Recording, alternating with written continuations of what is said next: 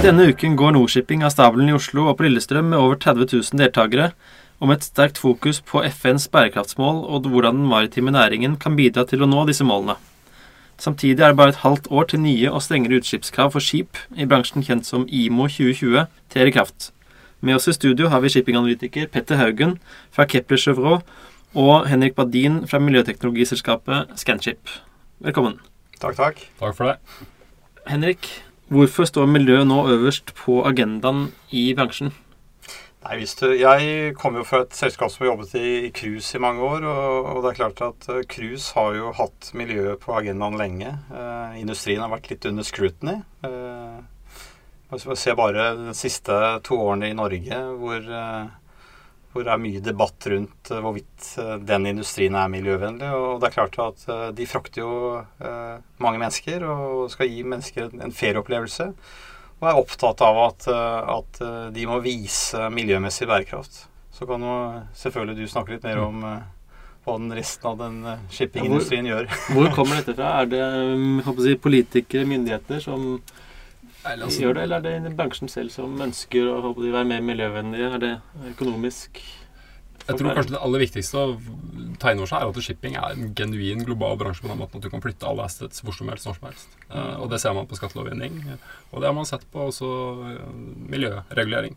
Så i shipping er det Uh, vanskelig å drive gjennom eh, regulatoriske endringer, fordi det er ingen uh, På samme måte som et land nedfeller lover, så har du ikke noe tilsvarende i shipping. Så du ender opp stort sett uten, uten, mye regler. Og nå har vi siden 2008 egentlig sikta mot 2020 med hensyn til svovelreduksjonen, som vi snakker om her i dag. Mm. og der overraskelsen kom, var vel at det faktisk ble 2020, og at det ikke ble skjøvet enda lenger fram i tid.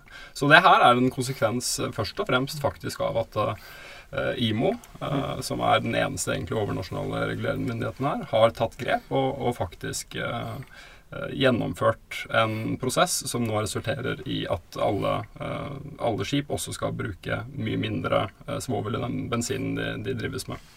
Og Er dette noe som bransjen rederne ser på som en trussel eller en mulighet? Jeg tror eh, man, man, man, er nødt til å forholde seg til dette her. Men jeg, må, jeg må, må jo tillegge det at, eh, at, faktisk FN og IMO Marpol har eh, gjort en, en mm. fantastisk jobb her. At de har klart å enes. Det er altså 174 land uh, i Imam som skal på en måte bli enige om et, et flertallsprinsipp. Uh, og at de har fått til det på tolv år, er jo faktisk bra. Uh, og nå, de, nå, innfører man da kutt i svovelutslipp. Eh, som er av stor betydning. Og, og svovelutslipp fra shipping er jo 30 av eh, svovelutslipp på verdensbasis. Så det er, det er et stort uh, viktig, altså en viktig milepæl innenfor shipping at man klarer å enes om det, og at nå man implementerer det fra 2020. Men når det er sagt, så har man jo hatt ECA-soner, uh, Emission Control Areas, uh, over en lengre tid. og F.eks. da visse deler av shippingindustrien, sånn som bl.a. cruise, har jo fått for, forholde seg til strenge krav i flere år. Eh, fra 2015, faktisk. Må, og strengere enn de kravene som på en måte kommer nå, 2020. Eh, der har cruise måttet forholde seg til 0,1 eh, svovel. som har medført at cruise faktisk har vært first mover på å installere skrøbbere.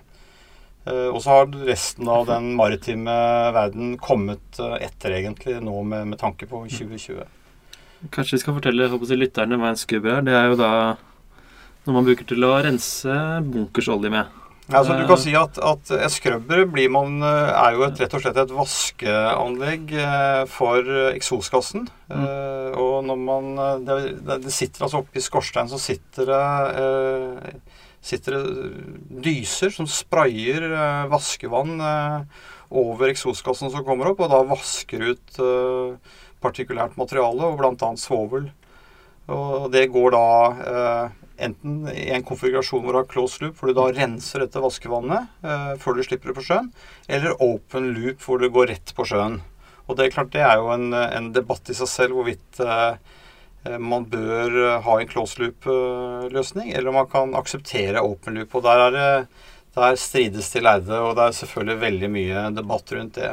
Men hvis du ser bare på rett og slett eh, reduksjon av svovel, så er jo det av stor betydning. Eh, men det er klart at, at eh, løs, det er jo ikke bare eh, skrøbbere som på en måte er løsningen her. Det er jo kun bare 3000 skip som vil være med skrøbbere av et totalt 90 000 seilende skip på verdenshavene. 3000 som vil ha skrøbbere. Resten, sånn som det ser ut nå, vil jo da gå på lavsvovelholdig renere fuel. Mm. Så det er ikke det at Så det, det fins jo løsninger, men det er klart det er jo for mange redere en dyrere løsning. Fordi at eh, prisforskjellen mellom eh, heavy fuel og, og lavsvovelolje er jo i dag kanskje to og en halv til tre eh, ganger høyere. Eh, mens man vet jo ikke hvordan dette vil se ut etter 2020. Petter, hva vil du si er den beste strategien, eh, løsningen? Eh, er det skubbere, eller er det å velge mer rene drivstofftyper? Jeg tror Bare sånn par korte ting i bakgrunnen her. Uh, hvis du sammenligner med bilindustrien, så slipper da de, eller skipene i dag, ut ca. 3500 ganger mer svovel enn hva en vanlig bil vil gjøre. Og selv etter reguleringen nå kommer på plass, så kommer det forholdstallet til å gå fra 3500 til 500. Så det er fremdeles forholdsvis mye svovel i det som slippes ut fra skip. Problemet med svovel er i hovedsak når du puster det inn. Så det er den skipsnære trafikken uh, i Europa, Asia uh, kanskje spesielt, hvor det er mye som er svært nærgående, nærgående land. og når du puster det inn, så er det et problem. Så derfor, når man da tillater å vaske eksosen og få det ut i sjøen, så er det jo fordi du da tar vekk det som er det største problemet, men du tillegger noen andre mindre problemer. Så miljøaspektet Jeg synes det er viktig å uh, liksom rette smed for smed, og ikke, ikke bakeren. Uh, det er uh, regulerende myndighet som har sagt at det er greit med skrubberød. Mm. Og at noen, at noen har da valgt å tilpasse seg hva som er reglene, på en proaktiv måte, som det i praksis er, det, det syns jeg det er nå dumt å skulle holde imot i. Mm. og så må man da potensielt godta at det kommer endringer igjen. Eh, og det tror jeg mange er forberedt på. Så eh, hvis du spoler halvannet år tilbake igjen, så vil jeg si at nesten ingen planla ha skrubber. Og så for ett år siden omtrent, så skjedde det noe egentlig ganske dramatisk i shippingindustrien som sådan. Og det gikk fra drøye 300 slike renseanlegg installert på da, med flåte eh, som ble sagt her er ca. 90 000, eh, til at vi nå da forventer noe mer enn 3000 i løpet av 2020. Eh, men det skjedde i løpet av noen måneder. Så, uh, men allikevel så er det da en liten andel. Uh, beslutningsparameteren er hvor mye bunkers du bruker. Og det er i praksis en, det en direkte relasjon til hvor stort skipet ditt er. Så Hvis du har stort skip, så har du en stor besparelse av å heller rense eksosen enn å kjøpe dyr uh, marine gas oil, som vi kaller det, eller kalle det noe som ligner. La oss ja lavsvovelholdig fuel. Så den beste strategien, um, sånn som ting står seg akkurat nå, tror uh, jeg for et selskapsdel er å investere i renseteknologi. Mm. Heller enn å bruke en lavsvovelholdig uh, munkers. Men det er jo da nettopp betinget på en fremtidig prisdifferanse mellom denne lavsvovelholdige bunkersen og den, den heavy fuel oil.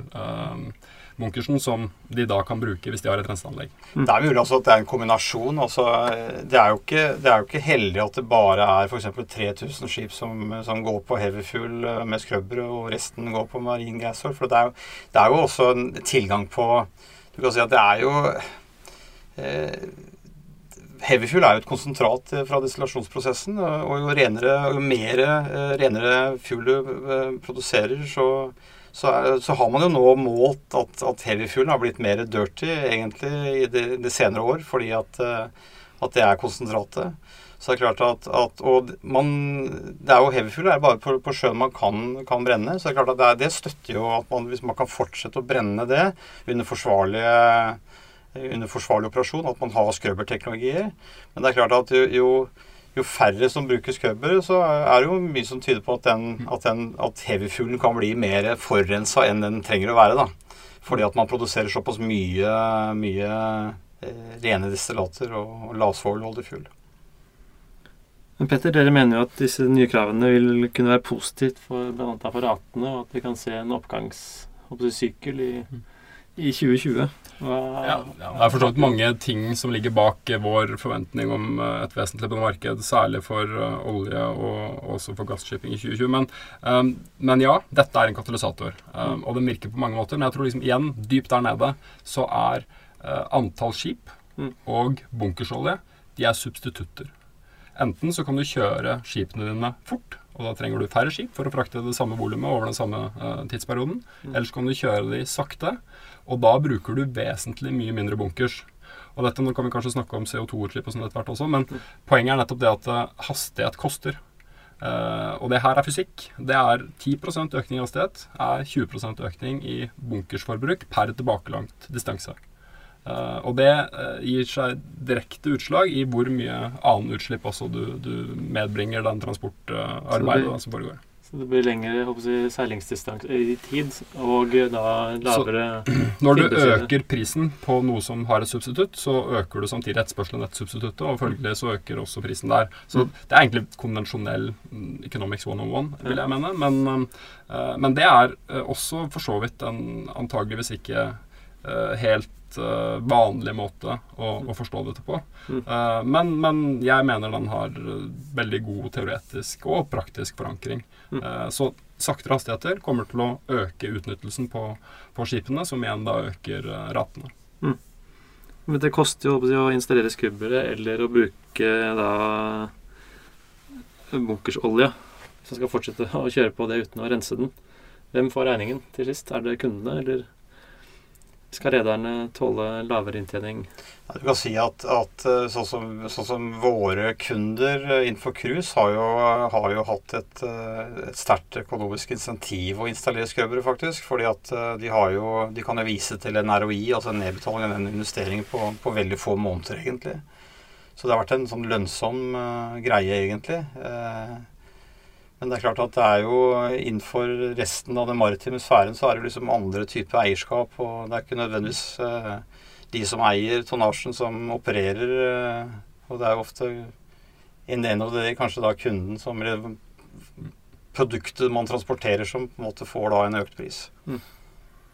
Altså, det er in the end of the day så er det konsumenten som betaler for det som den konsumerer. Eh, mm. og en del av konsumet her er da Hvis du kjøper et par uh, Nike-sko, så er shipping en forsvinnende liten del av det. Men det er uh, en liten del av det. Mm. Så hvis den lille delen blir litt dyrere, så er det tror jeg, helt uproblematisk. Det er jo for noen, eller for f.eks. skipning av jernmalm og kull, som er lavverdi, eller lavverdi eh, commodities, så er dette her potensielt noe som kan gå eh, Kall det på bekostning av at eh, det ikke fraktes like mye. da Rett og slett mm. fordi det blir for dyrt å frakte det.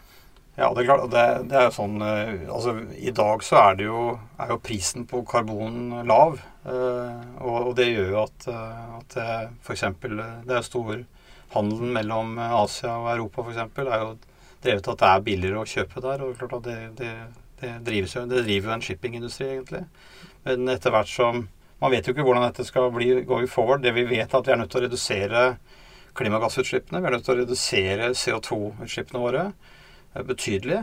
Nå representerer jo shipping ikke nødvendigvis eh, store mengder CO2. Det er jo 2,5-3 av eh, de, de, årlige utslippene vi har fra, på denne, denne, planeten. Men det er klart at, at når prisen for, for, for, det å slippe ut CO2 øker, så, så vil du kunne få en dreining at, at handelsmønsteret også endrer. Da, ikke sant? Mm. Hva jeg, tror du skipene skal drives på eller gå på om 20-30 år? Dere har jo selv jeg, teknologi for å gjøre bl.a. avfall om bord om til energi. Altså Vi jobber jo, vi jobber jo med å, å, hjelpe våre kunder med å eh, bidra til, til, å avkarbonisere, altså redusere CO2-utslipp. Det er jo på en måte vår satsing. Det å produsere energi fra avfall. Eh, og det å produsere altså alternative drivstoff for, for, for rederne. Og det er klart at, at det er veldig altså Løsningen vår er også en, en, form for karbonfangst for vi produserer biokull. Så, så det, det, merker vi en, en, veldig interesse rundt, og vi blir veldig relevante i forhold til, til, til industrien som har satt seg mål om å redusere CO2-utslippene sine med 50% innen 2050. Mm. Nå har jo Nå har jo FNs klimapanel sagt at, at det er ikke godt nok på verdensbasis. Det vil medføre en global oppvarming over to grader. Og, og faktisk råder verden å redusere CO2-utslippene med 50% innen 2030. Så slik at det, det kommer til å skje veldig store investeringer og, og, og, et stort mulighetsrom for selskaper eh, til å utvikle teknologier som, med, med, alternative løsninger til fossilt brensel som man har i dag. Mm. Så det er, det, er, det er, mye spennende som skjer eh, going forward. Og det er, det er, det er en, en, kjempeomstilling, egentlig, med tanke på at eh, KUS har sagt at det kommenterer seg på å redusere CO2-utslippene sine med 50% innen 2030 fra et 2008-nivå. Og det betyr enorme omstillinger og en, en veldig satsing på alternative energikilder. Og selvfølgelig å redusere eh, energiforbruket sitt generelt. Da. Mm. Og da tror jeg altså, Kanskje det viktigste tenker jeg, er at vi erkjenner at vi trenger å prise karbon på en fornuftig måte. Vi må sette en pris på karbon som er slik at vi faktisk tar reduksjonen der hvor det, eh, det skal tas. Eh, hvis man, som man har gjort over de siste årene, tiltagende eh, sier at eh, industrier og selskapet skal løse dette her alene, og name and shame mer enn å komme med ordentlige rammevilkår, så, så, er det til ugunst for oss alle. Mm. Da kommer vi til å sitte og skylde på hverandre i stedet for Og det syns jeg er kanskje det mest, det mest, positive jeg har lest på miljøfronten i år, er Helge Lunds, uh, styreleder i BPs, brev, Eh, hvor han også skrev noe i Financial Times om at, at han, han jobber konkret for en pris på karbon. Mm. Når de største oljeselskapene faktisk gjør det, så er det tror jeg, håp om at det faktisk skjer. Og da kan vi allokere ressurser på en effektiv måte. Ja, jeg tror det, jeg tror det vil drive og det vil drive en, en, en helt annen omstilling innenfor olje- og gassektoren. Og sånn som nå, nå satser man jo veldig på at man skal erstatte kull med, med LNG, ikke sant. Naturgass. Eh, men det er klart at eh, når man kan bruke, putte mer inn i forskning og utvikling knyttet til å, å produsere hydrogengass av LNG-en og, og, med karbonfangst, at man sender karbonet tilbake i brønnene og, og, får da en ren hydrogengass, eh, det, det tror jeg er en, en, løsning going forward som på en måte vil være et, et sterkt alternativ til, til, bruken av fossilt drivstoff som man har i dag. Men det kommer til å kreve fortsatt si, regulering da fra politisk hold og myndigheter? Altså det, da er vi inne på dette stikkordet, altså prisen på karbon. altså Det må koste. Det må koste Det er en dyr pris. altså Hvordan kan du sette prisen på miljøødeleggelser? Hvordan kan du sette prisen på et dødt korallrev? Eh, altså I dag så er det ikke Har man ikke priset inn det. Eh, man ser kanskje at noen har vi jo sånne tusenårsflommer i elvene våre i, langs, uh, på Vestlandet hvert eneste år. ikke sant? Så klart, det, det, man begynner jo, Forsikringsselskapene begynner å se at dette her koster penger. Eh, men, men, det er klart at, at uh, det å få på plass en karbonprising på internasjonalt nivå, det er, en, det er, jo et stort tankekors. Hvordan skal man få til det? For man har jo ikke en, jo ikke en politisk plattform for å få til det. Man har det innenfor shipping med IMO Marpol. Og det har man fått til med, med, med, med IMO 2020 med, med svovel, 0,5% svovel. Men det er klart at, at eh, dette, dette, må åpne for en, å få til en politisk konsensus eh, knyttet til prising av karbon.